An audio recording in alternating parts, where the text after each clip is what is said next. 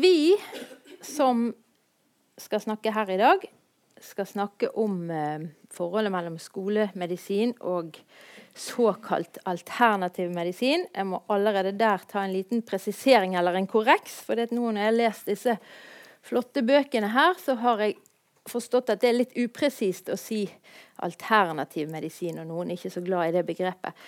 Eh, det er istedenfor gjerne snakk om komplementær og alternativ medisin.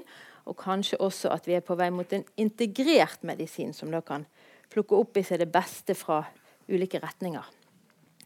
Uh, men jeg kommer nok sikkert til å si alternativ som for enkelhets skyld.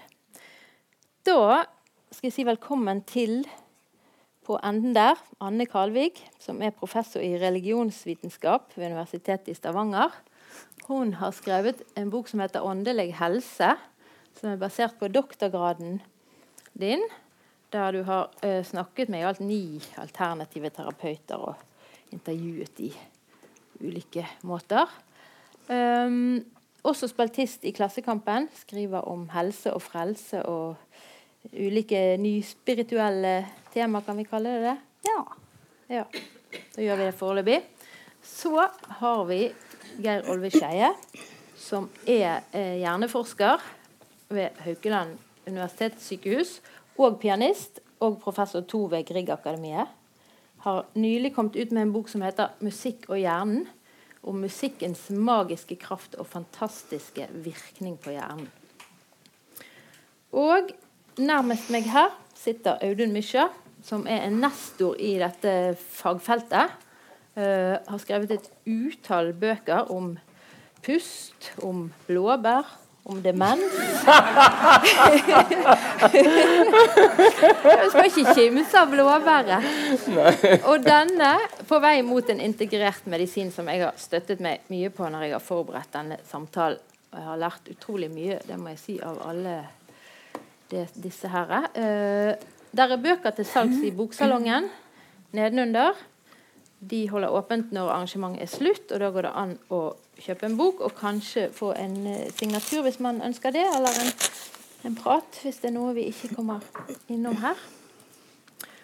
Mm, men altså, vi er ikke kommet for å finne ut hva som er best. Det har dere vært litt opptatt av. At det skal ikke være sånne her steile fronter, og det er humbug, og det er bare handler om penger, og det er eh, lureri og, og, sånn og sånn. Vi er kommet her for å prøve å eh, formidle litt kunnskap. For å fundere litt i ulike holdninger. Historisk, hvordan er dette, har det utviklet seg, hvor går vi videre? Uh, og jeg har jo lyst til å spørre dere alle tre aller først hvor dere står. Nå har jeg sagt bitte litt. Uh, men uh, dere kan jo få lov å presentere sjøl hva er inngangen din til det som du har forsket på i ganske mange år? Meg, ja. Ja, mm. Eh, ja jeg har jo uh, fokusert på å forske på alternativ terapi, som jeg foretrekker å kalle det. Uh, medisin kanskje får fort preg av at det er noe du inntar. Men, men, selvfølgelig, det er jo et videre begrep enn som så. Mens altså det terapeutiske og en terapeutisk kultur eh, passer veldig godt til det jeg har studert. Og det har jeg jo studert som religionsviter. Sånn at min inngang til dette er nok ganske annerledes eh, de andre to i panelet. Eh, men det sier jo òg noe om hvor komplekst dette er. Eh, fordi eh, vi kan eh, Vi kan si at alternativ terapi og behandling, medisin, kan ha mye eller noe eller òg ingenting med religion og spiritualitet å gjøre. Eh, men når jeg fatta interesse for dette, så var det jo fordi at jeg eh, som eh, Jeg er utdanna her i Bergen under eh, Ingvild Selle Gillhus og Lisbeth Michaelsson. Og de to, sammen med kulturviterne Bente Gullveig Alver, som er her i dag, eh, og Torunn Selberg, de hadde et banebrytende prosjekt fra midten av 90-tallet som heter 'Myte, magi og mirakel i møte med det moderne'. 5M prosjektet. Og der eh, greide de å åpne opp eh, religions- og kulturfeltet, sånn at det som før var blitt studert eh, tydeligere av eh, disipliner separat, og, altså religionsviterne skulle ta seg av mer tradisjonell religion, teologene tok seg jo av innenfra-perspektiv i kristendommen, og så var det kulturviterne med den folkelige forestillingsverden. Og når de da greide å si at ja, men her kan vi samarbeide på tvers, så ga de oss som var studenter, og som da ble òg uh, utdanna i, uh, i uh, dette faget, eller disse fagene, en mulighet for å utvide vårt materiale. For det viser seg jo at eh, når det kommer til religion og spiritualitet, så eh, er det da en eh, mye større åpenhet i dag, og det er en større Eh, fortrolighet eller frimodighet til å si at eh, åndelige og religiøse, spirituelle eh, anliggender eller dimensjoner kan faktisk ha med kropp og helse å gjøre. Og for mange så er det på en måte mye mer interessant og viktig enn eh, kanskje dette med med tro uh, i, i, tradisjonell forstand. Hva nå det egentlig er, da. For jeg tror jo folk alltid har vært mindre tradisjonelle da, enn det vi gjerne har skrevet, skrevet historier som. Ja, det ble jo en lang uh, innledning. Det var kanskje litt for langt, men det er i hvert fall min uh, inngang til dette. Mm. Yes. Mm -hmm. mm. Du da, ja. Nei, jeg er, jo, jeg er jo lege, på en måte. Nevrolog, så jeg har jo mitt Det jeg kan noe om, er på en måte nevrobiologi og og den slags. Men så har jeg jo drevet med musikk siden jeg var liten, og, og etter hvert eh, begynt å lure litt sånn på hvordan eh, musikk virker i hjernen. da, hva, hva, som skjer i hjernen når du hører på musikk. Hvordan hjernen på en måte bearbeider, eller musikken blir skapt i hjernen. Og etter hvert eh, skjønt at eh, det å drive med musikk på en måte kan forme hjernen. Det, det, det er jo blitt litt sånn at en Hjernen er ikke bare et sånt resultat av hva du inntar, og sånt, men veldig mye hva du gjør. Sant? Du former hjernen din med hva du holder på med. Og musikk og da driver med musikk det er en aktivitet som aktiverer veldig store deler av hjernen på mange måter. sånn at du, du har en egen evne til å um, indusere nevroplastisitet og endring i hjernen. Så uh, Derfor har vi skrevet den boken da, sammen med Are Brean. Uh, musikk og musikkterapi er kanskje sett på som som alternativ medisin, men det er på en måte I vår bok da, så prøver vi på en måte å skjønne hvorfor musikken virker mer sånn òg ja, sånn biologisk, på en måte. Du kan i, i, For min forståelse av verden, på en måte. Mm. Ja, Jeg kan ikke så veldig mye om alternativ medisin ellers, må jeg innrømme. Men det kan jo Audun mye mer om. ja, Jeg glemte å si at du er jo også lege og homeopat. Og så ja. Er du ikke det? Nei. Unnskyld. Du er i hvert fall lege. Og så fortalte du meg nettopp at uh, du hadde en forskerstilling eller en lederstilling på et um, uh, senter i Levanger som jeg har glemt. Det er så, det er så vanskelig navn at ingen klarer å huske ja. det. Jeg er faglig leder for Nasjonalt kompetansesenter for kultur, helse og omsorg ved Nord universitet Røstad. Jeg prøvde å forkorte det til kuhoms, men det har ikke For da ville folk ha huska det. Men, men vi er stuck med det håpløse navnet. Mm. Men kan du fortelle eh, litt om Du har holdt på med dette ganske lenge. Eh, og i boken din så skisserer du en ganske betydelig endring, vil jeg si, i eh, måten ulike alternative retninger har blitt møtt. Sånn som jeg oppfatter deg, så er du kanskje eh, en mild optimist. Du sier at det har åpnet seg, bl.a. akupunktur har, er det nå veldig mange leger som, som henviser til, og det har kommet inn som smertelindring f.eks. Hvordan ser du på eh, situasjonen i dag sammenlignet med når du begynte? Ja, det, det, som har, det som har skjedd, er jo noen signifikante bevegelser. Blant annet hvis en ser på når jeg drev på jobba med boka her, ser på hva folk trodde om sin egen mulighet til å påvirke helse. Jeg leste noen bøker fra 50-tallet. Eh, og det slående er at helse var ikke et tema. Det var en skjebne som en enten hadde eller ikke hadde. Og um, også da jeg starta studerte medisin midt på 70-tallet og utover, så var jo tanken at vi kunne påvirke vår egen helse, den, den var jo veldig fjern. Og nå har det jo vært en, en bølge som kommer inn. En helsebølge som er jo nesten for mye av det gode, hvis vi ser på aviser og det hele. Eh, hvis du ikke får sove åtte timer om natta, så får du høyt blodtrykk, du får overvekt, du får høyt kolesterol, du blir skilt, du får kreft, du får dem altså, Så det er mange sider ved det. Men grunnleggende eh, så er det en høysignifikant bevegelse. Også bort fra det som jeg opplevde som ung lege. Eh, at Ja, hva skal jeg hjelpe deg med? Nei, det må jo doktoren vite. Mm. altså det der hvor, hvor helsen var, var, lagt inn i medisinens hender. Og også naturmedisinere var som rene behandlere. Og den store bevegelsen skjer jo i retning av at hvert enkelt menneske får en får tak i sine verktøy, sine, eh, sin måte å kunne håndtere livet på. For livet er eh, det, det, er fantastisk, og det er lidelse. Det er når vi alle vil møte det her eh, vekslinga mellom det, det vanskelige og det gode. Og det at hvert menneske kan få det her i hendene, eh, gode verktøy, det, det er for meg den mest signifikante bevegelsen. Det var veldig artig. Jeg hadde, jeg hadde jo et seminar nå eh, 31.1 på Lillehammer med Joralf Gjerstad, Snåsamannen. Vi var jo hovedforedragsholdere da. Og, og, og der hvor vi, eh, vi eh, snakker litt forbi hverandre, er nettopp på det punktet. Hvor jeg snakker om det her med at hvert menneske har en evne til selv, selvhelbredelse. Jeg tok opp det med en bok 'Finn din indre kraft'. Og, og det merker jeg at Joralf han var litt fremmed overfor det.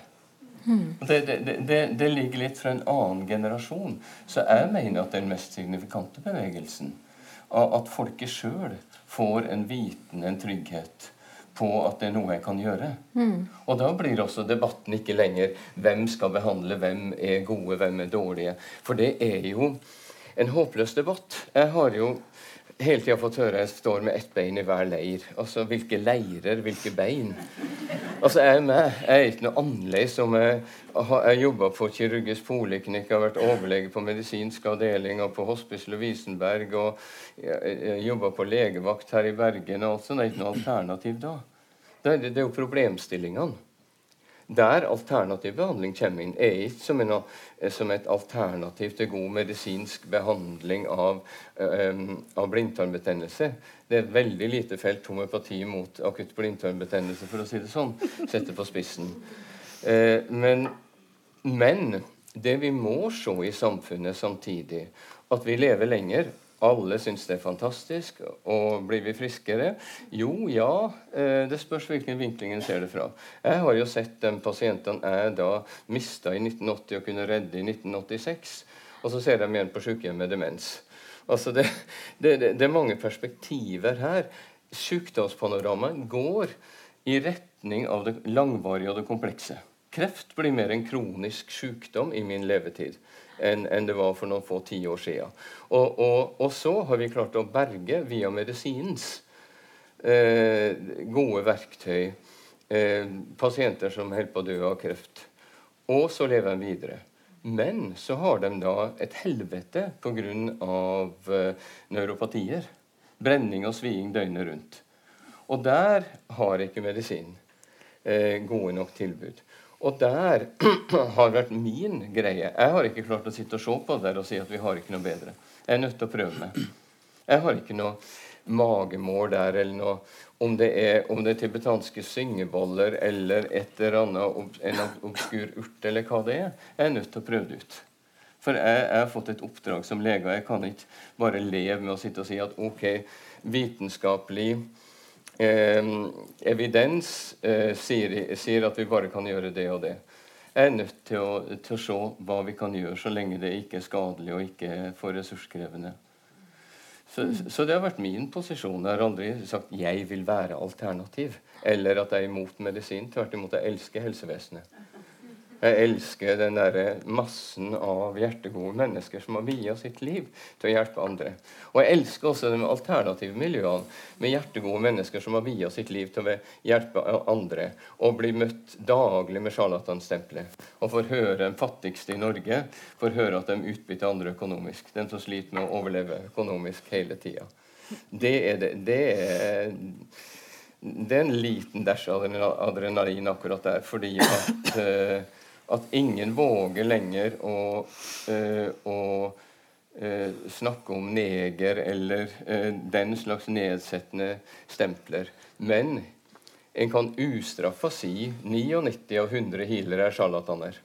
Folk som har via livet sitt til å hjelpe andre.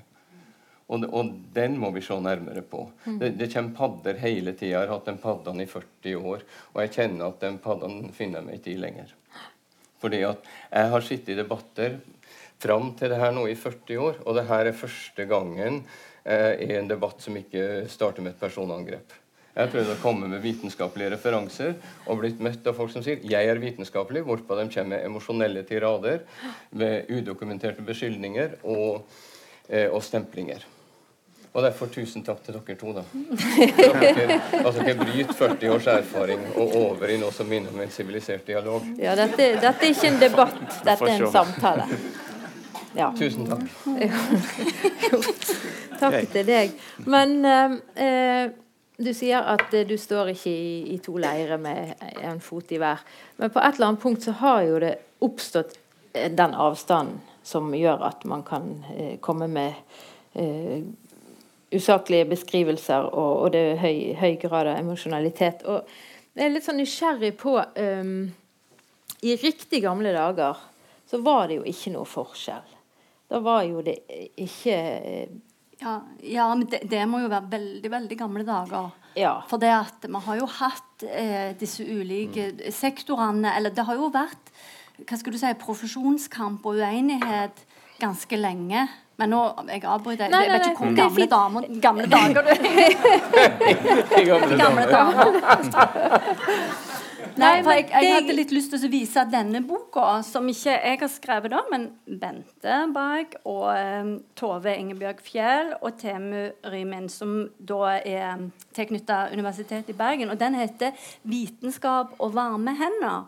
Og Den kan jeg virkelig anbefale, for den tar da for seg den medisinske markedsplassen i Norge fra 1800 til i dag. Og er da en kulturhistorisk en kulturvitenskapelig gjennomgang av nettopp hvordan da Um, en kan dele inn sektorene i en sånn en profesjonell sektor og en leksektor og en uh, Nei, hva heter det, da? Disse tre sektorene til han eh, Kleinmann. Ja ja, i alle fall. Eh, jo, den profesjonelle, den folkelige og selvhjelpssektoren. Og så kan en si at de har jo eh, vært i eh, Ikke nødvendigvis konflikt, men oss mennesker vi har, har alltid beveget oss i disse forskjellige sektorene. Og denne her selvhjelpssektoren er jo den største, for det er der vi er når vi er liksom med våre nærmeste. Og der er det jo ofte kvinnene som da er litt eh, ledende, eller altså som mødre, som familie, den som har ansvar for helsa i familien, så er det gjerne de som har bestemt når skal vi Nå må vi oppsøke lege, eller nå må vi oppsøke den kloke, altså folkelegehelbredere. Um, og, og, jeg tenkte litt på det når du, Audun, uh, nevnte dette her med altså at, ja, F.eks. Joralf, at du kunne merke hans kanskje skjebnetro, eller den der uh, annerledes innstillinga til det personlige ansvaret. Og det blir beskrevet mye her, og, og det har jo jeg òg uh, befatta meg med. Nettopp den spenninga mellom eh, helse og, og si, det å være heil, helbredelse, eh, som et individuelt ansvar og, og et personlig prosjekt. Og eh, versus dette at det finnes noen autoriteter som, eh, som har fått ja, en, en, annen rolle nå enn de hadde før. Eh, men, men, der har du jo altså paradoks som vi alle står i og går i, fordi selv om en skulle da snakke om den aller mest sånn spirituelle, religiøse uh, terapi, eller altså at det ble gitt liksom veldig eksistensielle eller metafysiske forklaringer til, til det her med, med helse og sånn, så, så vil jo disse alternative terapeutene, som du sier, Audun altså det, det, er jo veldig Stort sett så er det jo velmenende mennesker som òg forstår seg som å um, operere i et godt univers. Mm. Og hvis universet, det, det holistiske universet, der alt henger sammen med alt, hvis det er iboende godt, så er det faktisk veldig vanskelig egentlig å forklare sykdom og mm. lidelse. Fordi da må du på en måte regne med at det er en, en vond komponent. Og mm. det har en kanskje egentlig ønska å kvitte seg med, fordi en ikke vil ha en sånn dualisme osv. Så, mm. så, så du har, eh, men du har et stort fokus på eget ansvar for, eh, for helse. Men det, det er jo, helsemyndighetene sier jo det samme. Det er jo veldig mye fokus på å ta ansvar for helse, og de lever sunt osv. Slutt å røyke. Eh, og, og der, i det det er det samme kulturelle landskapet da, som alternativterapeutene beveger seg i. Der handler det jo om eget ansvar, men der kan det få en åndelig betydning. Dette er f.eks. Du har fått denne sykdommen fordi det er lekser som ditt høyere sjøl bestemte seg for, eller alt har bestemt at dette må du gjennom for du skal lære noe, osv. Det kan det kan bli ganske nådeløst, altså sånn isolert sett. Men så har du jo òg det paradokset, vil jeg si, at det er en mengde med alternative terapeuter som, som, jo nettopp står der og er klare for å hjelpe deg i den prosessen. Det er jo det de vil. De vil mm. være med og løfte deg over og inn i den høyere innsikten, eller hvordan en tolker mm. sykdom og, og, og, problemer da. Og der, det er jo egentlig litt sånn selvmotsigende. Eh, altså, du har i en kanskje åndelig dimensjon bestemt deg for at du skulle ha disse plagene, denne sykdommen, denne utfordringen, fordi du skulle lære noe. Og samtidig så står det altså masse med teknikker og terapeuter klare for å hjelpe deg å bli friske. Mm. Men det er jo et veldig, hva skal du si um, uh, fruktbart paradoks. Det skjer jo masse spennende der. Men, men, sånn er det jo med religioner og med, med meningssystem. Det er de vil jo alltid få problemer i møte med det som er vondt og, og lidelse. Mm. Så det, er, det du sier, det er at det er noe som er felles, bl.a. ansvaret for egen helse og egen uh, selvutvikling. er jo Det noen Det er jo ikke alle ja. disse alternativene du snakker om som altså De vil jo ofte ikke helbrede i hvert fall ikke de mest alvorlige sykdommene, men de vil i hvert fall ha en bedre livskvalitet. Ja, En har jo ikke lov til Nei, å, behandle, det... men en har jo lov å behandle som alternativ eh, terapeut og eh, symptomer og gi smertelindring og den type ting. da. Um... Men så er det et eller annet punkt at det har skjedd en sånn splittelse. For det menneskebildet og verdensbildet som du eh, skisserer, det er jo ikke nødvendigvis forenlig med eh, en vanlig holdt jeg på å si det, vanlig pasient som går til en vanlig lege. For der er det jo f.eks. veldig mye eh, medisinering ute og går. At man, man eh, Altså det har jo vært en helt eksplosiv vekst av eh, eh reseptbelagte legemidler og andre, andre, legemidler, for så vidt. Um, så et eller annet sted så er det en konflikt òg. Og hva, hva går den konflikten i bunn og grunn ut på? Altså, Hvis en ser på litteraturen innenfor dette feltet, så er det jo en rimelig konsensus på at den romerske legen Galen, eh, sånn ca. 100 år etter Kristus, eh, han eh, satte fram dette prinsippet én diagnose, én behandling. Hvor gullstandarden er å finne eh, årsaken i en diagnose sykdom og finne én behandling som skal være mest mulig standardisert. Og det er jo et prinsipp som har fått ny kraft etter annen verdenskrig med penicillin i 1943. De randomiserte, kontrollerte forsøkene som var der i forkant, men som har blitt sofistikert, og som har gjort mulig at det prinsippet kan utvikle seg eh, mye sterkere. Eh, og jeg har jo sjøl kunnet se i min levetid hvordan medikamenter og kirurgi har kunnet utvikle seg til mye bedre i noen situasjoner, f.eks. hjertemedisin, er jo et område. Mikrokirurgi, nevrologi. Ja, altså, det, det, var jo diagnoselek for flinke gutter da jeg studerte medisin mm. på 70-tallet. Og ja. nå er jo det, eh, har jo det også nevrologi har jo, det, det var et eh, regna som et traurig fag, men nå er jo det et av de mest virkelig spennende fagene. Så der, har det vært en, der er det jo en enorm vekst ja, som skjer i kunnskapstilfang. Mm. Men så har jeg jo gått inn på sykehjemmene, f.eks., hvor du ser at den samme modellen og i psykiatri ikke fungerer. Fordi at uh, problemene ofte er mer komplekse. Mm. Og uh, en er nødt til å nærme seg fra en, uh, en mer kompleks synsvinkel. Og eh, Hvis vi nå ser da historisk på det her, så vil jo eh, Hva skjedde? Vi fikk jo etter hvert en legestand, akademisk legestand som bl.a. bygde primært på det prinsippet. Eh, mest mulig fram mot riktig diagnose. Og, så det holistiske er ikke nytt. Det har hele tida vært det som har vært skjøvet som ikke har passa inn i det akademiske medisinen. Det har vi gode historisk belegg for, faktisk. Og det har vært også skjøvet litt ut i uh, tussmørket. Eh, sjamanen, den kloke kona, har jo ofte vært i utkanten av stammen. Litt mistenkeliggjort, samtidig kalt på når det virkelig er, er ille. Og vi må ikke glemme at det er jo bare litt over en tredjedel av jordas befolkning som har tilgang til og med i dag til noe, til noe som minner om et adekvat helsevesen. Hva gjør de andre? Mm. Jo, de gjør seg hjulpen, som vi sier i Trøndelag. Mm. De, de, finner sine urter, de lager sine besvergelser, de trykker på sine punkter. Og istedenfor å demonisere det eller si at det er alternativt eller gammeldags, så kanskje alle de millioner av mennesker som har måttet gjøre seg hjulpen, har funnet fram til noe. Eksempelvis qigong, akupunktur, yoga viser seg jo nå å være hypermoderne tilnærminger, sjøl om de har oppstått til dels gjennom en empiri som har gått 100 år, generasjoner. Eh, prøvd seg fram med Funker det her punktet? Nei.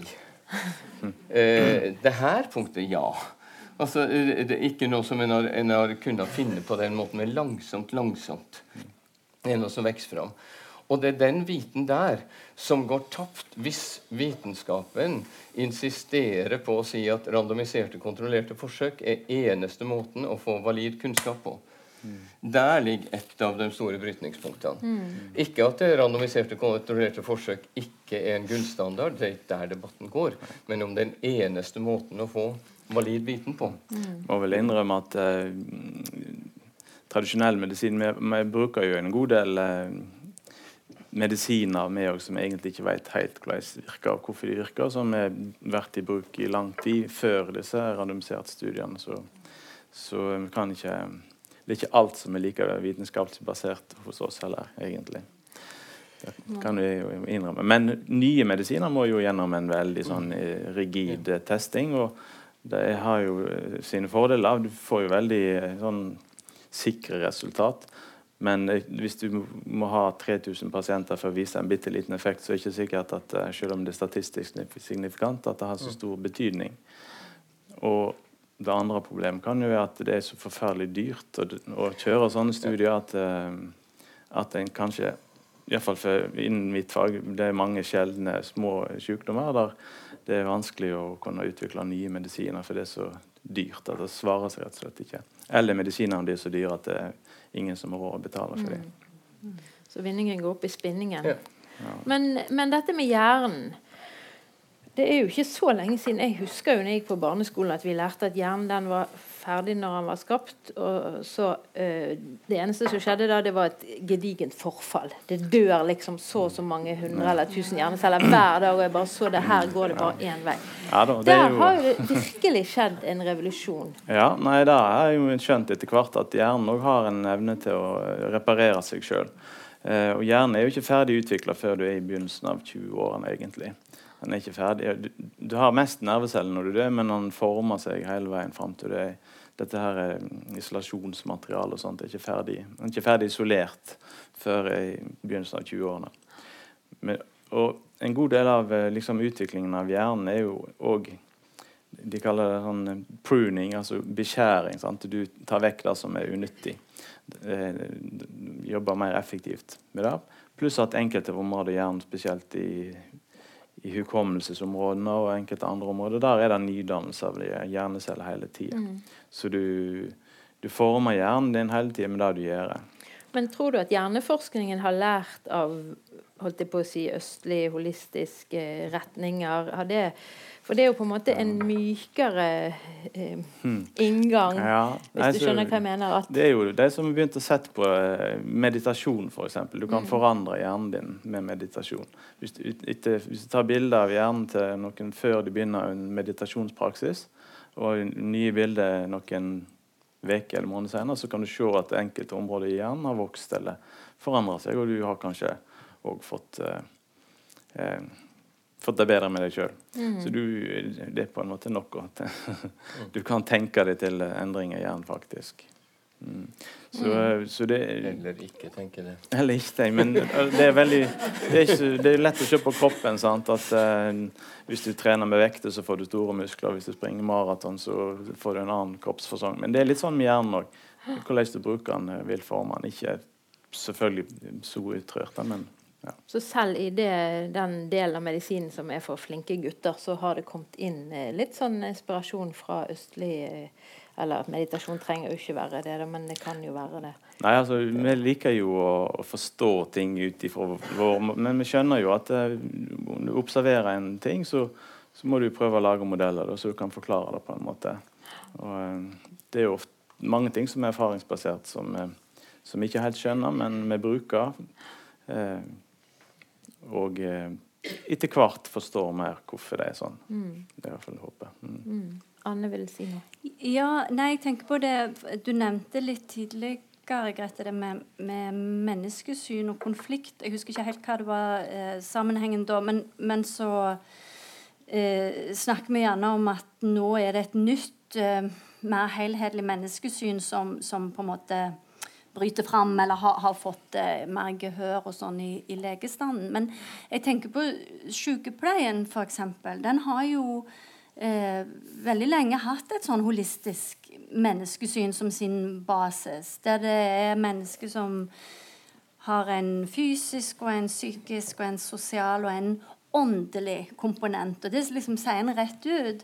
Eh, sånn at det er jo Det er jo ikke uten grunn at en del sykepleiere eller en god del sykepleiere har uh, tatt forskjellige videreutdanninger eller òg mm. har interessert seg for alternativ behandling.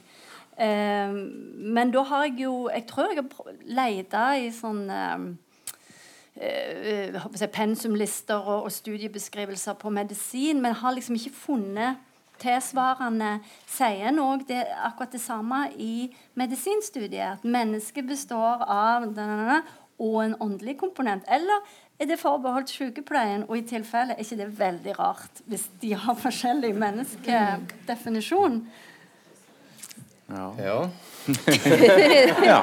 Et godt spørsmål. Et godt spørsmål. Jeg, jeg, vet, jeg vet, ikke hvordan uh, medisin uh, de, de, forandrer jo studiet og, hele tida. Så jeg, jeg tror det, det, er mer fokus på, på, det nå enn det var når jeg studerte. for å si det sånn. Mm. Da hadde vi noen veldig sånn mekanistisk eh, måte å, å, se på sykdom og hel, helbredelse.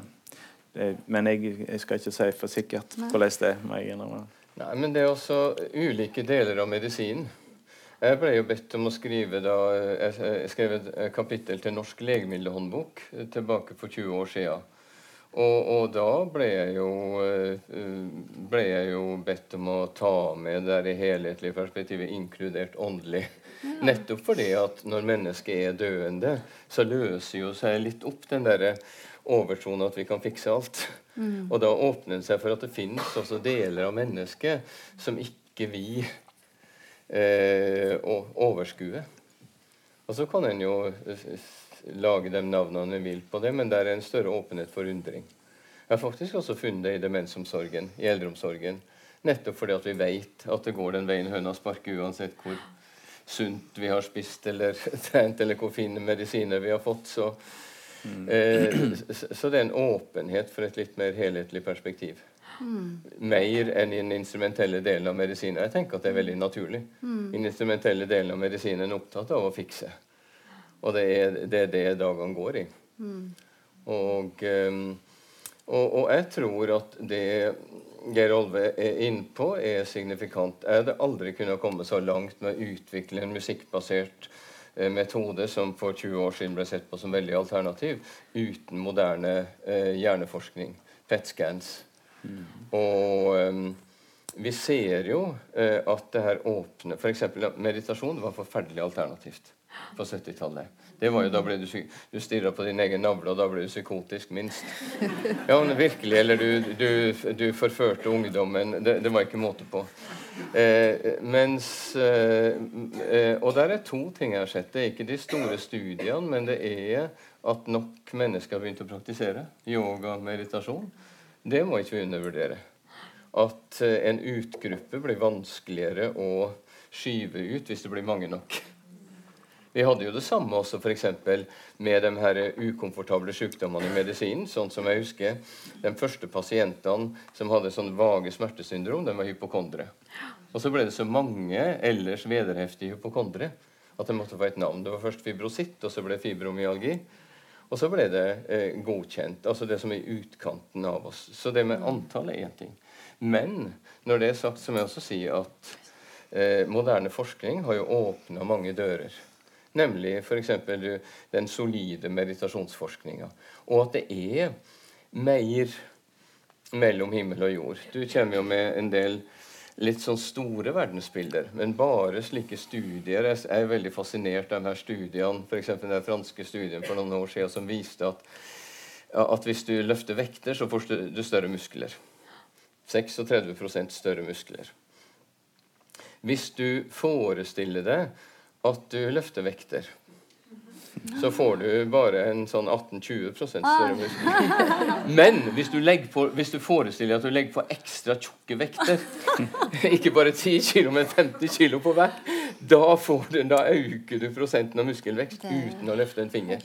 Mm. Altså det, det, er en del slike, og, og det, er, det, det, er, ikke noen alternative påstander. Det har forskning i gode medisinske studier. Randomiserte, kontrollerte studier, rett og slett som åpner Jeg tror Så det oppløftende.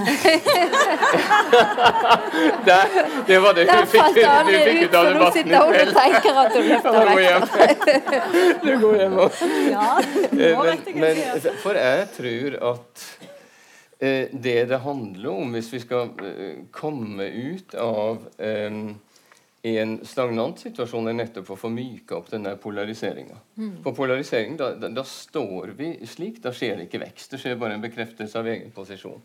Og alt som gjør at vi begynner å tenke annerledes, at vi, at vi undrer oss. Og det må jeg si. F.eks. dem som har den der enkle angrepene på alternativ behandling. At det ikke dokumenterte tøv og vås økonomisk utbytting av medisin, det er dokumentert. Det er folk som aldri har sett en pasient. Eh, dem som er i helsevesenet, som jeg har snakka med, dem er som deg, Geir Olve. For de vet at vi, vi, vi, gjør så godt vi kan. Av og til er vi på trygg grunn eh, og har god dokumentasjon. Av og til må vi bare gjøre et eller annet som vi håper skal virke. Forstår du? Det, ja, ja, ja. Det, jeg syns jo det er veldig befriende at Geir Olve sier at det er ikke alle, alle medisiner heller vi, som er dokumentert, men vi ser at det virker. For da, da gir du fra deg litt av den autoriteten som mange leger eller legestander har blitt kritisert for. Nå har de ikke hvite frakker lenger, men, men det er jo noe med eh, Det virker ofte veldig ugjennomsiktig og veldig prestisjebefengt, det området. Så, så det syns jeg jo ydmykhet er vel kanskje et stikkord fra begge parter. Ja, ja. Eller fra begge de For leirene. Eh, alltid i en slik polarisering så vil det jo det, det, er ikke sånn at den ene parten er verre eller dårligere enn på ydmykhet heller. At f.eks. arrogante leger har også blitt en sånn klisjé som folk slenger mot seg. Om hvis du går inn i medisinen, så er ikke det sant, og, sant overhodet. Mens for, vi står for den absolutte vitenskap, det er et metafysisk ideal som vi står overfor en umulig situasjon med. Hvis vi ser på lovende midler mot kreft, så er det til enhver tid rundt 5000 lovende midler i pipeline. Og som Geir Olve sier det så presist, du skal søke om å få studert det. Du skal samle millioner, og du skal drive på i flere år. Ja, det tar for, for å få én eller to. Så vi er faktisk nødt til i den praktiske verden. Og det snakkes ikke om, men vi er nødt til å gå ut på ei grein. Enten vi kaller oss alternative eller vanlige når det gjelder mennesker som lir. Ja. Men det er mange som prøver ut urter og sånn tradisjonelle medisiner innen i forskning. De bare prøver det på alt mulig i dyremodeller for å plukke opp effekter på ting som de vet har brukt. Det er jo ganske moderne i enkelte miljøer iallfall. Og de prøver å plukke opp eh, ny bruk av gamle, gamle, velkjente stoff òg. Så ja. Hadde du noe en kommentar der? Anne? Mm, Ja, eller Men det kan være jeg husker feil, men han Jørgen Skavlan, er ikke han lege? Eller Jo da. Ja. Og han er jo mer en sånn som kanskje altså, Så han har jo åpenbart sitt pasienter. Men, og, og nå skal ikke jeg plassere han i den der eh, andre liksom båsen om at Men men han og en del eh, ja, faktisk både religionsvitere og, og andre fagfolk altså fra andre fagdisipliner har jo stått bak eller vært vært del av eh, kampanjen 'Ingen liker å bli lurt', f.eks., som starta i 2011 eh, og var igangsatt av Human-Etisk Forbund og, og, og Skeptika, altså Foreningen Skepsis, eller i hvert fall medlemmer derfra som var, var aktive. Og, og den kampanjen har nok den, har jeg vært i krangel med eh, opp gjennom åra mange ganger, fordi at eh, fordi jeg syns at måten en der framstilte altså Mitt utgangspunkt var jo at religion blir framstilt eh, veldig problematisk her. For der var det rett og slett en kampanje mot det de kalte da klarsynte og, og krystallhealere og, og, og kvakksalvere. Alle som skor deg på, på deg og utnytter din ulykke osv. Eh, og Det har de skrevet helt tydelig i sine grunnlagsdokumenter og, og vært veldig tydelige på. da. Og det er jo klart, altså, ok, du har, Hvis du har et eh, humanetisk eh, utgangspunkt, altså at du, du er veldig imot alt som er eh, metafysisk osv., så, videre, så skjønner en jo at det er altså En skjønner jo en god del av engasjementet, men samtidig så ble det veldig problematisk fordi at det òg er eh, altså Human-Etisk Forbund er en, en opplyst og rasjonell aktør som vet at vi f.eks. har religionsfrihet og ytringsfrihet i dette landet, og som også er veldig opptatt av de verdiene i et demokrati. da. Eh, også, men allikevel så hadde de en bredt anlagt kampanje mot en del av dette feltet, som i alle fall noen av oss definerte da som men dette er jo en del av religion, dette er jo en del av religionsfriheten. Selv om det handler om kropp og, og helse og, og, og terapi. Og det de da gjorde, det var jo å si at ja, men, men det er ikke et problem, fordi at det vi syns er greit, det er indre, ekte overbevisning. Altså den religionen som foregikk inni hovene på folk ut ifra en sånn en eldre modell av kanskje troen alene, skriften alene. altså egentlig Veldig sånn protestantiske eh, slagord. Den sier de, den, den er ok, men i det øyeblikket du begynner å gjøre disse tingene som du tror på, og lever det ut, så er det et stort problem som, som fortjener å få dette stempelet. da. Og, og så, I disse år så var jo alt på alternativfeltet det, det ble liksom feil på alle måter. Det var, det var dårlig vitenskap eller uvitenskapelig, det var dårlig medisin, dårlig behandling, og det var dårlig religion. Så alt var på en måte gale. Eh, men det var jo òg en kampanje som fikk og, og den eksisterer ennå. Eh, og den har jo hatt mye gehør òg. Det er mange som syns at det var jammen på sin plass. Og takk og pris at noen tar til orde mot eh, alt det vaset som finnes der ute. Og det må vi jo òg kunne si at ja, der er jo mye vas òg. Altså der er jo Eh, jeg, har ikke et sånn menneskesyn, eller jeg greier ikke å tro at folk med viten og vilje bestemmer seg for at nå skal jeg lure folk. Nå, nå setter jeg opp en praksis, og så er min forretningsidé, som jeg uansett ikke kommer til å tjene veldig mye penger på, men det er å, å lure folk. Altså, sånn tror jeg folk rett og slett ikke er skrudd i sammen. Men, men det at det er uheldige konsekvenser, uheldige praksiser, eh, lovnader som ikke kan bli holdt osv., det må vi jo ta med i dette store bildet. Alt er ikke bra på alternativfeltet. Men det, det vil jo aldri bli bedre heller hvis en sier at og deg kan jeg ikke snakke med. Du er så dum og, og bedragersk at jeg vil ikke vite av hva som foregår i ditt hode i det hele tatt. Så, så, Derfor er jeg helt enig i den dialogiske in innstillingen, men òg at ja, både i tradisjonell medisin og i alternativ medisin så skjer det jo òg uh, ulykkelige ting, for å si det sånn. Ja, det er jo litt Ja, unnskyld. Ja, nei. Ja, nei. det er jo fokus på overbehandling i med, eh, skolemedisin, og at det er mange som får behandling som de egentlig ikke har bruk for. Eh, så det er jo eh, et veldig godt tema, på en måte. Mm. Så det er ikke bare innen alternativ medisin. Skolemedisin er opptatt av det sjøl òg, at en kanskje opererer for mange Mm. Eh, ja, det er stor forskjell f.eks. For i landet hvor mange som blir operert i nakken eller i skuldre eller i knær. og litt avhengig. Så det er ikke fordi de har dårligere knær i Finnmark enn i mm. Bergen. men det, 6000 nakker leste jeg forleden var operert uten at det var dokumentert effekt i ja, året. Men det er sikkert mange tall Ja, det er mange tall. Jeg kan ikke men, det, men, men det er iallfall mm. fokus på det. Mm. mm. Jeg har to ting der. For det første så er jo det også et viktig poeng. Jeg har jo nå, eh, etter at jeg har hatt en praksis gående i 38 år i forskjellige former, som er gjort opp en evaluering av nå. Og det som jeg synes var veldig interessant, når jeg gikk tilbake til rundt 1990, så hadde jeg en del pasienter med eh, korsryggsplager, prolapser og den slags. Og jeg har fulgt noen av dem som ble operert den gangen, eh, fram til nå. Og noen av dem som ikke ble operert, som gjorde eh, forskjellige øvelser, trening, tok urter, eh, eh brukte trykkpunkter osv. Eh, så forskjellen mellom dem som fulgte ordentlig behandling, og dem som gjorde sjarlatanbehandling, eh, hvordan er det noen tiår etterpå? Det har vært ganske sterkt. Hvem er det som står sterkest helsemessig? Dem som er, ble operert. og, og eh, Det var en god korttidsløsning. Den ble veldig bra den gangen. Men um, ser du 25 år etterpå, så er de tunge bruker hver eneste en av helsevesenet. De som truttig har gjort små ting i det daglige og våga seg innover det alternativet. De har tatt urter, de har gjort uh, Ja, de har uh, gjort alle de her tingene som uh, kanskje en til og med har trodd på et eller annet metafysisk, en eller annen mening med det hele og alt sånn. Jeg, jeg mener ikke å være ironisk nå, jeg mener tvert imot veldig alvor, alvorlig på det. Eh, det er veldig sterkt å se hvordan de som har gjort litt hver dag, og heller ikke outsourca seg til alternativ behandling eller sannsigersker som sier at dette er en, den dypere meningen med din sykdom, eller gjort seg til autoritet over et annet menneskes liv. Men de har fått muligheten til å gjøre noe, de små dråpene, dag ut og dag inn. Det, det har prega meg veldig, må jeg innrømme. Mm.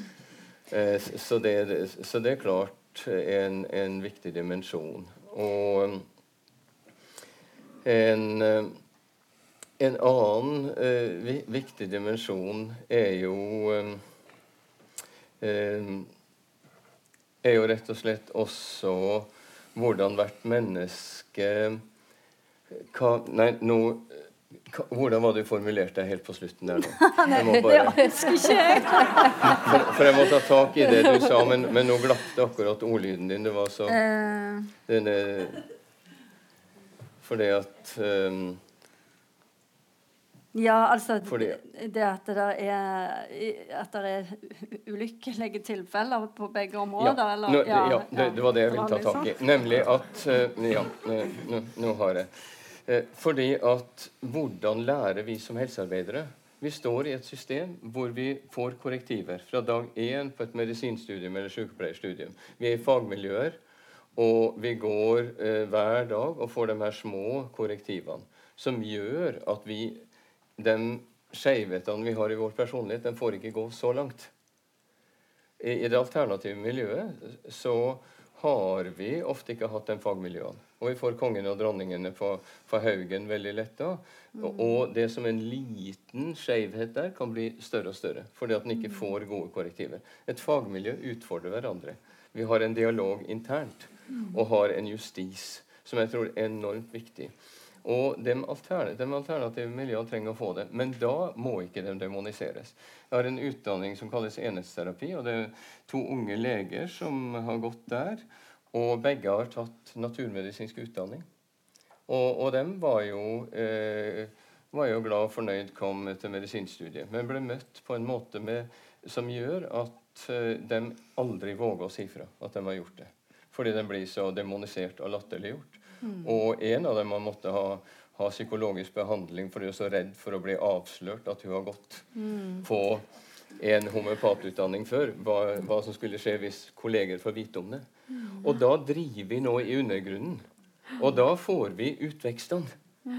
Det er det, derfor er det poenget ditt så viktig. At vi, vi må ha en åpenhet rundt det. Eh, og, og hvis, vi, um, hvis, vi, demoniserer retninger og mennesker, så er det det som skjer. For det som driver mennesker inn i de alternative terapiene, eh, det kan ikke stoppes. For det har, eh, det har en substans i seg. Det som ikke har substans, det vil forsvinne. Ja, det var noe jeg ville si. da, men ja, så jeg bare glapp det litt si uh, ifra meg. Men, uh, men jeg, om jeg kan spørre om uh, en ting til Geir Olberg? Det kan du. for det, jeg syns at den uh, tittelen, eller undertittelen, var så interessant. Altså 'Musikkens magiske kraft', var det det du kalte det? Ja, nå er jo jeg Det, var ikke Det var sikkert medforfatteren som kom på det. Det var ikke jeg som valgte akkurat det der. Jeg er jo, jeg er jo traust harding, så det er sjelden magisk og fantastisk i mitt vokabular. Jeg syns det var det var liksom eh, så eh, betegnende, fordi du har da brukt det som lege, eller dere da, i en positiv forstand. sant? Og magi er et mer sånn plastisk begrep. Det kan tilpasses ulike settinger. Det brukes jo mm. til all slags. sant? Det, det, til å selge reiser, til å, å, å selge jeg, hudpleieprodukter, hva som helst. Men, men det er jo faktisk òg en ja, det er en kategori som kanskje kunne passe litt mer sånn eh, spesifikt på en del av det som folk er opptatt av å drive med. For det som jeg også tenker på Nå kom jeg på hva det var jeg eh, egentlig tenkte på når Audun snakka, nemlig at den eh, studenten din hun kunne ikke si at du hadde lært seg eh, eh din eh, terapi- eller behandlingsmetode, men hvis hun f.eks. hadde sagt at nå er jeg blitt mindfulness-praktiker mm. ved sida av at jeg er lege. Så hadde ikke det vært så eh, stigmatiserende. Og der ser du mm. at det liksom, der finnes mange ulike sånn, eh, rangeringer da, av mm. ulike former for alternativitet. Og det som eh, kommer fra buddhistisk eh, tradisjon, det har jo fordi at vi har kanskje en idé om at det er veldig sånn intellektuelt eller veldig altså vi, vi, har tatt med oss en sånn der skoleframstilling av Buddhas lære som mm. veldig veldig logisk og kognitiv og kan ikke nærmest eh, motsies. Mens levende buddhisme er jo noe ganske annet. da. Men derfor så tror jeg f.eks. at mindfulness har på en måte Jeg, jeg kjenner prester som driver med, med mindfulness, og leger. Eh, og, men jeg syns jo det er litt underlig, da. At, at det er Ja. Men så har du det med akupunktur. Det er jo den mest brukte alternative behandling i offentlig helsevesen. Men, men den kan jo ikke forklares med vårt vestlige syn på hvordan ting henger sammen.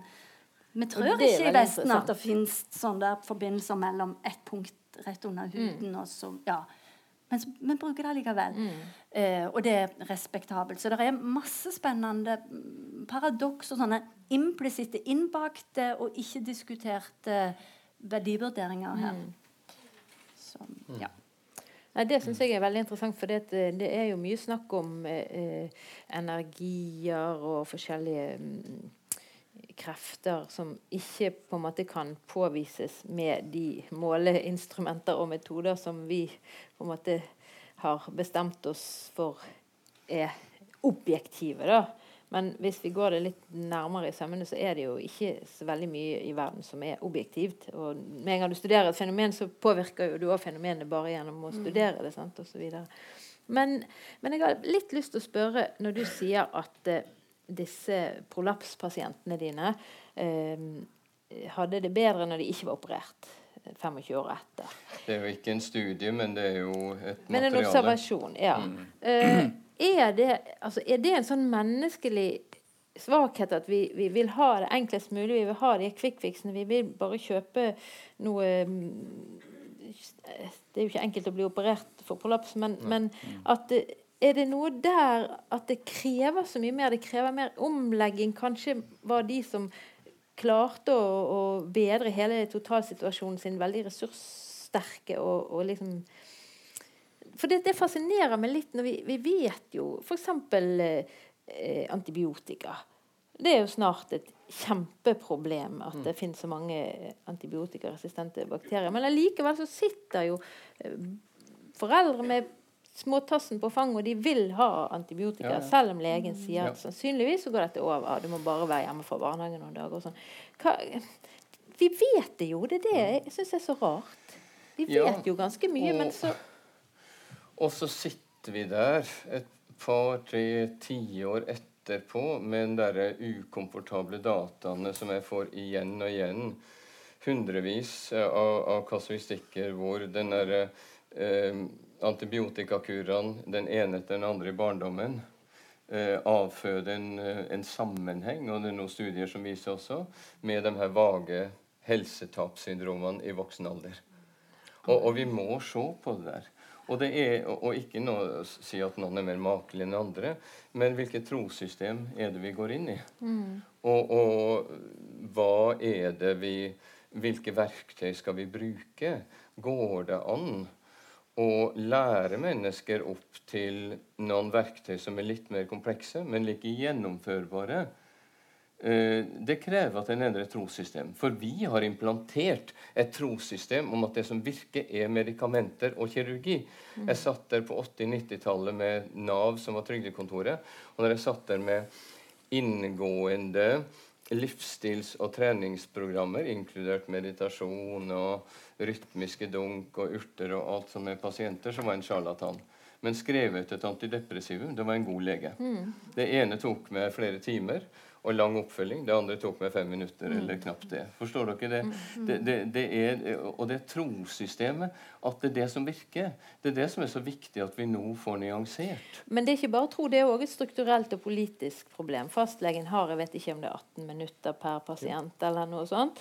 Jeg så et TV-program om en lege i London som prøvde å ta av pasientene sine fra en del uh, det var bl.a. en jente på 16, eller hun var 24 som hadde gått på antidepressiva fra hun var 16. Og det var en som gikk på så mye smertestillende at hun var jo dønn narkoman, men det, det, vis, det viste seg at det hadde ikke effekt. Og, og, han måtte jo investere enormt mye tid og, og personlig eh, energi i det. sånn at det er klart Vi vil ha noe som virker, men vi vil, og vi vil ha det kjapt, og, og det er tilgjengelig. Da er det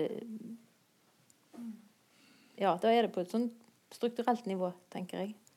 Ja, jeg, jeg, tenker på at det er veldig forståelig. Altså at um, Jeg skjønner at en tenker Jeg ville òg tenkt sånn at uh, operasjon, ja, det, det, må jo sikkert være bra. Og, og som mor, ikke sant, så, så tenker en Eller i hvert fall før vi visste hvor mye misbruk det er av antibiotika, og at det nå er i ferd med å liksom løpe løpsk, så har nok jeg jo vært liksom den som har tenkt å, ja, men for sikkerhets skyld, vi må vel ha det. Sant? At det, det er en nærliggende tanke. Eh, men det er jo ett sånn trossystem som er kjempefarlig der, og som, som, eh, disse, altså, så, og som da dessverre hører til deler av alternativfeltet, og det er jo vaksinemotstand. Eh, og den er eh, der tenker jeg at um, en òg må trå varsomt, da, fordi at folk er jo ikke vaksinemotstandere fordi de vil eh, egne eller andres barn vondt, men fordi de er djupt inn i et bestemt si, paradigme eller trossystem om at eh, det er bedre for kroppen å naturlig gjennomgå sykdommer og bli herda den veien enn å få vaksinen. Og Det er jo, det er jo basert på, på at eh, sykdommen ikke fins lenger. Så en har ikke sett alle disse syke og døende ungene som er utgangspunktet for at vi må vaksinere eh, fordi at vaksinene virker. Så, eh, men, men, det begynner jo dessverre å komme tilbake. Og det, det syns jeg er en sånn en veldig viktig eh, et veldig viktig felt da, der vi må igjen altså ikke demonisere, men der faren er så overhengende hvis en får Eh, og, og, så syns jeg òg det er litt ubegripelig, fordi jeg kan på en måte ikke tenke meg noe mer sånn der uh, naturlig eller organisk uh, som behandling enn vaksine. For det er jo kroppens eget immunsystem som blir aktivert. Så, så det liksom What's not to like? Men selvfølgelig en, en, Jeg vet jo at det er jeg, Jo, jeg vet jo at det er bivirkninger i noen tilfeller, men, men når det gjelder unger og ja, og så begynte vi jo så vidt med det med, med, psykisk helse og det alternativet. Og det syns jeg òg er et superspennende, men også komplisert felt. For da får du òg den Hva er hva er åndelige uh, erfaringer og, og uh, syn og, og uh, virkeligheter, da? Og hva er psykisk sykdom? Og, og hva lærer en på psykologistudiet om møtet med det jeg håper jeg, spirituelle og åndelige mennesket, og, og, og hvordan en skal skille det syke fra det mm. friske der. Mm. Mm. Vi skal snakke litt om musikk. eh, fordi Endelig. det er jo også eh, både spirituelt og Jeg tenker ikke vi skal, vi skal ikke ta vaksinediskusjon nå og ikke psykologistudie heller. Men jeg er helt med på alt du sier. Men jeg tenker um, om musikken. Så den har vunnet innpass bl.a.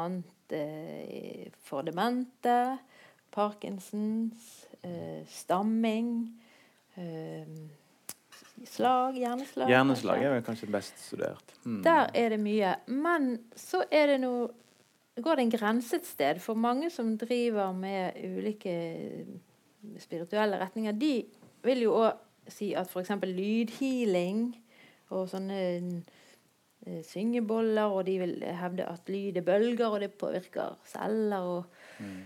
molekyler og hva vet jeg. Men, men uh, hva, um, hva, er status der? Du skriver jo at den høyeste hjerneaktiviteten som er målt på noe menneske, det er pianister som spiller etter noter. Mm. Det, det er det du kan måle. Ja. Mens altså, noen av de, ja. hvis du går inn sånn, så mm. Nei, altså Jeg er jo opptatt av musikk, altså, for det er så komplekst at det, det er sunt for, for, hjernen at du må bruke liksom hele hjernen eh, for å bare lytte på musikk eller spille musikk. og det er litt sånn å lytte og spille er omtrent det samme igjen, omtrent som du pumper muskler uten å bevege noe. Um, så uh, Grensen for når det slutter å være musikk og, og sånn, da, lydhealing har ikke jeg noe greie på. Altså da, jeg vet at uh, musikk virker. Hvis du hadde tatt det opp på lunsjen på kollegaene dine på Haukeland, hadde det gått å Lydhealing tror jeg jeg hadde hatt problemer, men jeg har snakka masse om musikk, og de skjønner jo, uh, de fleste, at uh, musikk eh, altså, Du kan jo vise enkelt at mange ting Det er stor aktivitet i hjernen, og at du kan framkalle endringer i hjernen. Du kan ta bilde før og etter et behandlingsforløp og se at ting forandrer seg i hjernen, og at de, de blir bedre. Så, så, det går an å dokumentere. Det er jo selvfølgelig små studier når det gjelder musikk og musikkterapi foreløpig. Men mange er veldig lovende. og, det har sånn, en sånn logisk forklaring så det går an å få, få eh, leger til å skjønne, hva hun har sagt. Mm. Mm. Men når det kom, var det motstand mot det? og Var det liksom regnet for å være litt sånn new age eller sånn? Eller var det Jeg vil at sånn eh, det er jo helt, jeg, altså, det har sikkert du merka mer enn meg. Du, ja. jeg eh, har ikke hatt, hatt den tradisjonen så lenge, men, mm.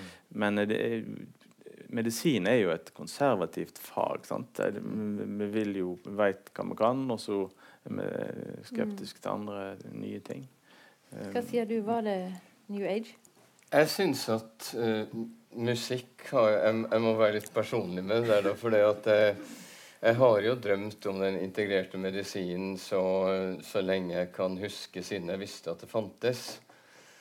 Uh, fra ungdommen av. Og så gikk jeg jo i sykehussystemet og så, så, hvordan, som du sier, det er solid, men det er konservativt. Og så så jeg også at det alternative miljøet også lite villig til å ta eh, korrektiver og danne fagmiljøer. Så jeg så at det ville ta lang tid. Og jeg gikk ut fra eh, en konferanse og tenkte at eh, hva gjør vi nå, lille du? Og så Og så drømte jeg eh, en drøm. Det var en, en sånn rungende stemme som sa du skal skrive en bok. Eh, nei, du skal lese en bok, og det er den viktigste boken du noensinne vil få lese. Den heter 'Den musiske medisin'. Og jeg leita jo rundt overalt, og ingen fant ingen hadde hørt om en sånn bok. Og så gikk det da en litt tid, og så våkna en ny drøm. En sånn rungende stemme sa 'Det er du som skal skrive boken'. og, og, og, så ble det jo og, og, jeg ser i ettertid at det har jo vært en frelse for meg. For det musikk har noe i seg som intuitivt åpner mennesker når vi synger sammen, når vi danser sammen. Hvis dere er slitne av oss nå, så redder vi for et foredrag på det her tidspunktet når uh, dere har sittet og hørt på Talking Heads i en time. Så får jeg gjerne folk til å, til å, å opp og synge etter at vi vandrer med fred imot, eller noe sånt. Jeg vet ikke om dere er prima på det i kveld, men men, men etter, for det er noe som samler oss. Den store fiolinisten og dirigenten Jehudi Menuhin Eh, fikk jeg jo vite om hvordan han slutta karrieren sin, for jeg var jo lege på asylmottak eh, fra 88 til 95. Og fikk jo se Jugoslavia, et land hvor folk levde omtrent som oss. Hvor folk da over natta kom i krig. Uforsonlige fiendebilder. Og Jehudi Menuhin han kunne ikke stoppe krigen, men han dro ned på Balkan og lærte dem her eh, fra Serbia, Montenegro å danse hverandres folkedanser. Og, og, og, det er noe da Du kriger ikke med en person som du har dansa salsa med like før. Altså, så, så, så, for meg har det vært genialt. Og den motstanden jeg har møtt, er bare det en må, eh, må forvente. Den største motstanden jeg har møtt, har faktisk vært det der underholdningstempelet. Nå skal Audun Mysja komme med noe festlig. Jeg, jeg, jeg har, nei, har jobba for å få det her inn i ordentlig verktøy. Og det har vært en av de største triumfene i min karriere. det å virkelig kunne vise et musikkbasert verktøy i hendene på vanlige helsearbeidere, slitne helsearbeidere, dynga ned av direktiver og dokumentasjonskrav.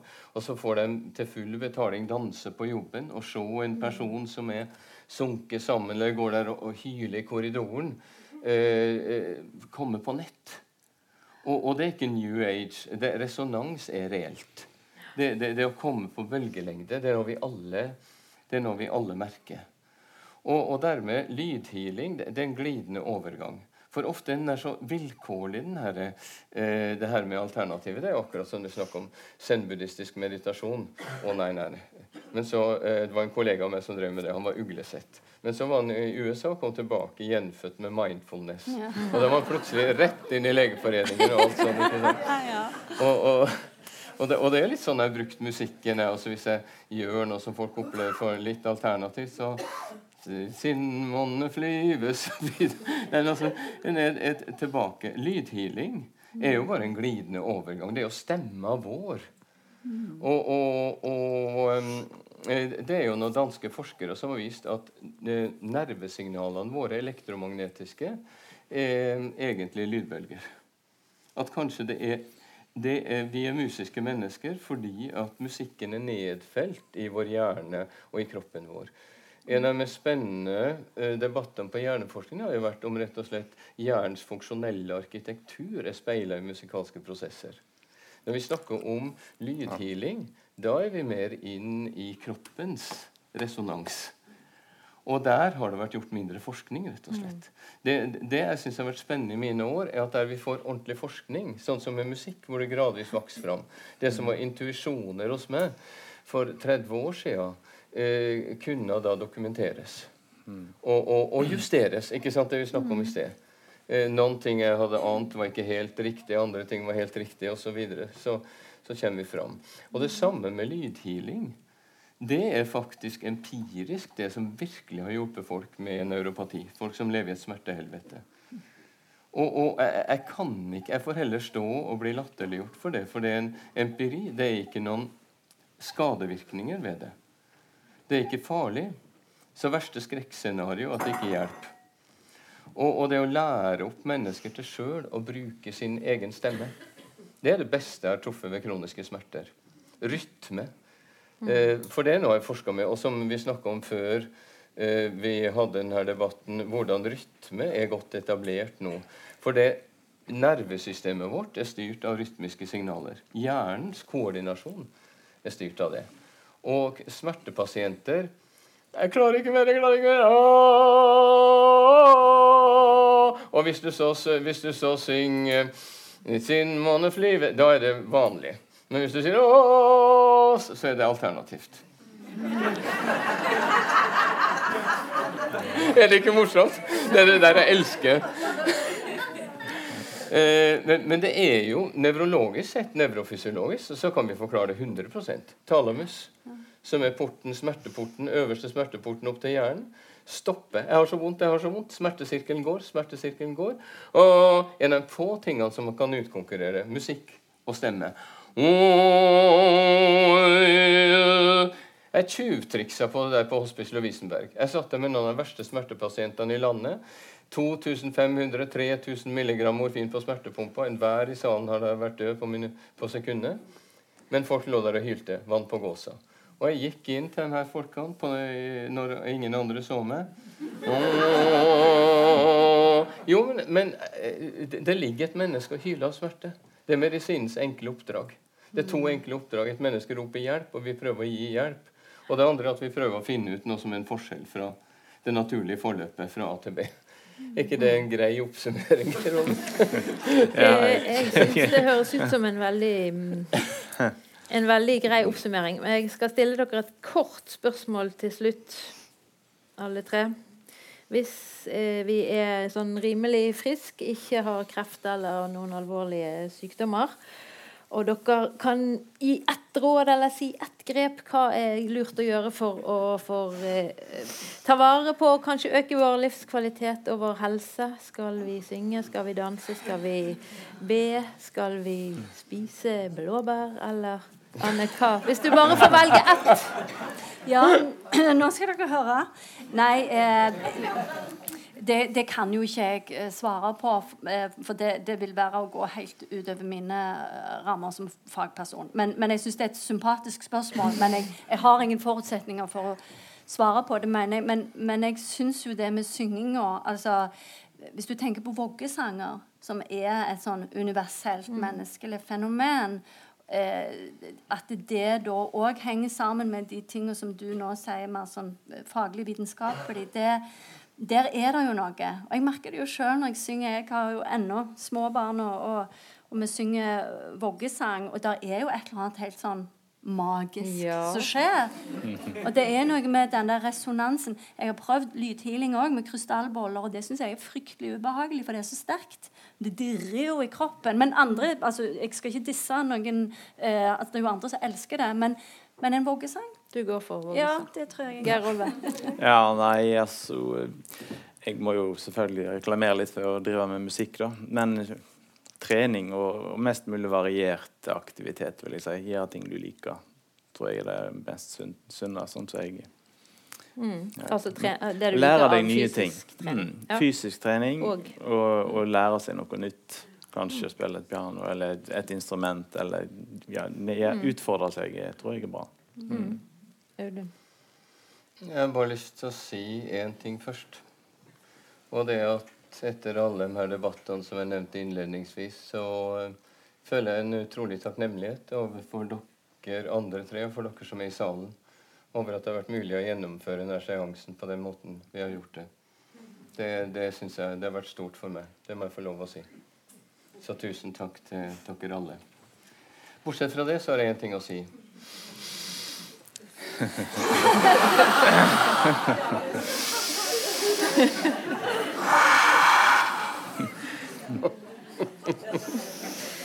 OK, da vet vi det.